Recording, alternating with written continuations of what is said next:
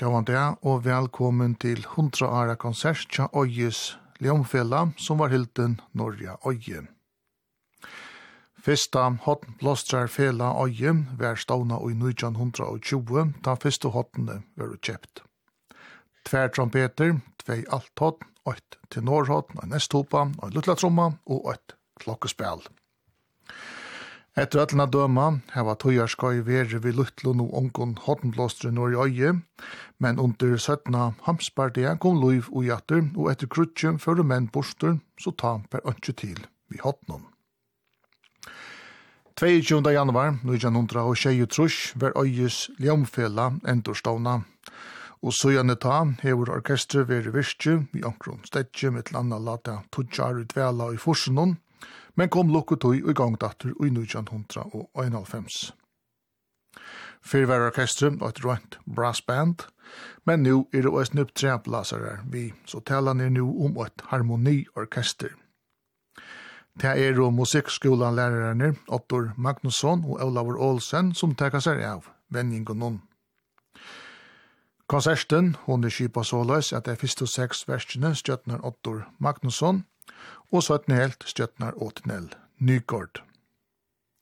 Vi får leggja fyrir vi gjennom kjenton føreskun leie, Frurikur Petersen ishti i 1826, og Bruna Levar høyte Vysa om farger, og er æsne fyrste føreske tjausankeren. Og i det er sankeren kjenter som i Otjar Void. Ledja skal natreat at Frurikur Petersen var mannbodje leasmeien hans Jakob Høygaard som hever gjørst leie. Utsett for orkester, hevur Kari Bæk.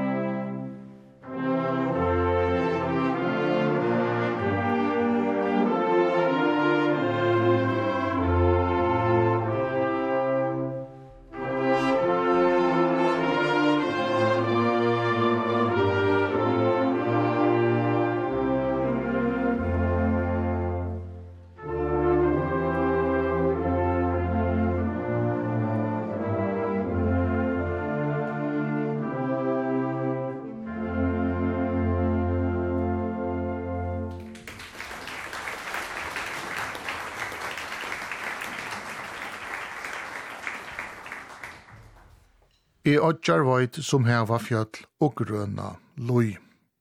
Nu vil det skotskir tøvnar. Og brunaliga var leie gjørst til setja bøyber, og det er sera vel omtakt i Skottlandet. Ja, så vel omtakt, at det har vært først fram at hesen sankeren og leie, og det har tidsin fram om kjentar av offisielle kjøsanger som Skottland The Brave og Flower of Scotland. Men det kom tid så, med det om sjolve. Njøde tøvnarnar, Her er leie Highland Cathedral. Musik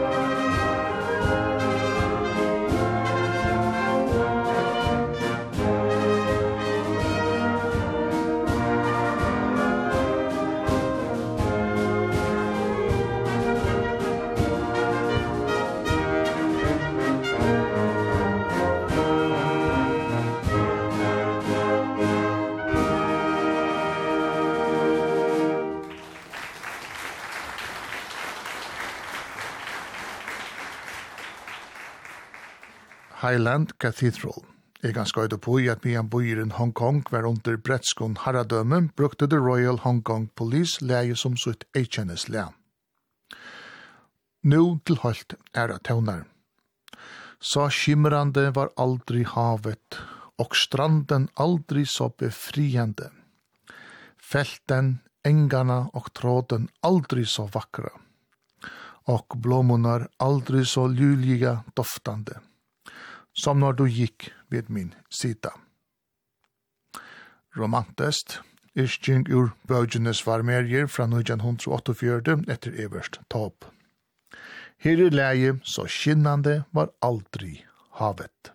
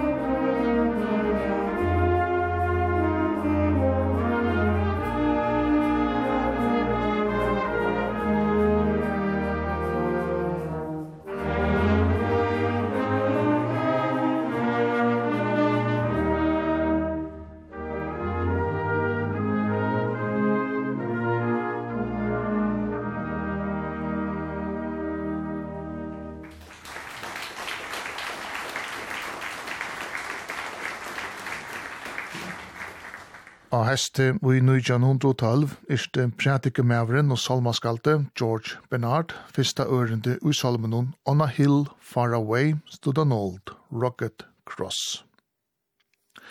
Og et bråd og gyrkinsene av føreskone i elskje hin vannvirta cross.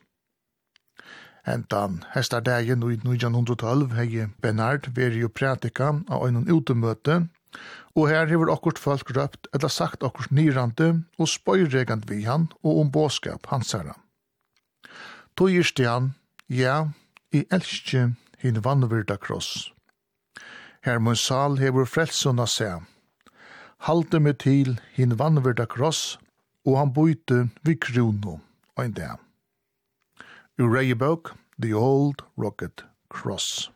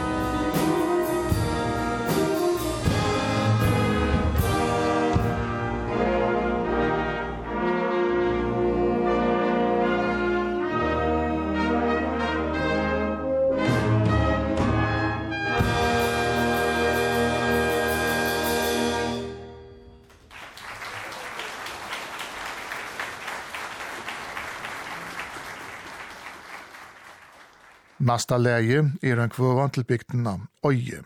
Det var i 1900 og trus at Hans Erland og i Brekkenund fikk lærere starv av Øye. Han er større hva for tøvnløgje og rundt jeg få lov og gjøtter Øye sangkjør og Øyes ljømfella. Og som har sagt, så kom lov at Røy ljømfella i 1900 og tjeje trus. Hans Erland har gjort leie og nøyøyer Ole Eilstrøm. Øye mun heimbygd, her vakka mun støv. Her voksa vit opp, middelen folk så gå. Om ofta var baldrott ta ødn i av, tå finko vi løtur så vekrar at sjå. Atle Petersen hever sett ut fyrir orkester. Musik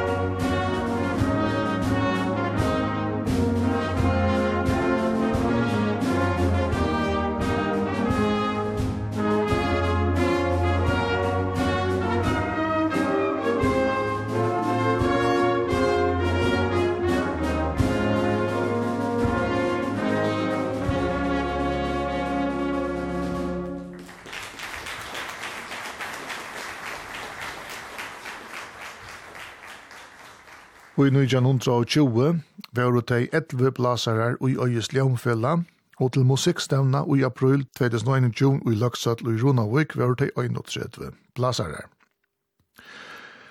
Nå skulle vi tøyre øyna tøvna sirspo vi fyra løvun. Troi tøyre hever Johan Kalsøy gjørst. Han var lærare her nord i Økjenån fra 1919 til 22 avgavist vi Tjekv og så Norja Øyen. Det er tre løgn i øydan, risen og kjettlingen, veter og var. Det er fjorda, hever høyte, hev oppsegl, men øvest er hvor du gjørst, leie. Sirspa vi fyra løvun av øye. Musik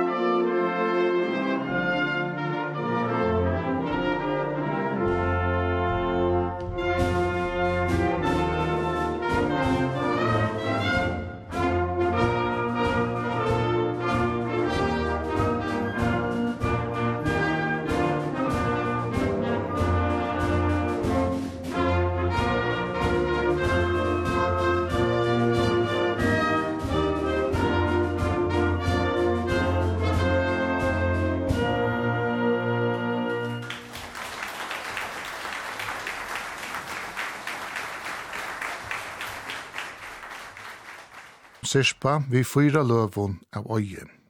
Nevnas kan òsne at øyes ljomfella, saman vi ungmannafella noen glotten, skipa i fire fyrsta flaggdagshalten nun av øye 25. april i 1941. Hetta er helst fyrsta flaggdagshalte i landen nun. Nå vera det jazztøvner, jazzband, øyder leie, og solo klarinett, Ottor Magnusson. Musikk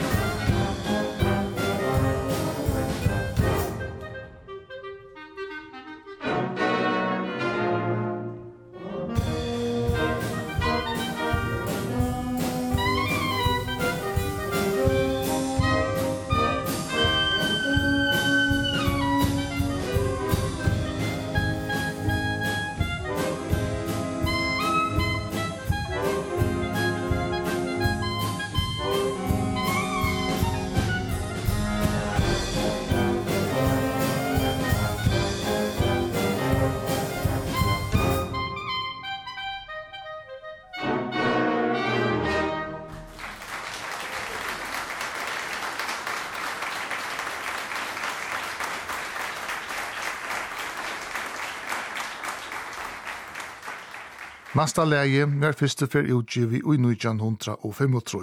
Det var opprunnelig å finne av platene Going Places og i femte utgaven til orkestren Herb Albert and the Tijuana Brass. Leie har vært nekk spalt, brukt til nekkonfilmen og røven og brukt til imskar utvarpsendingar. Her er leie Tijuana Taxi. Taxi.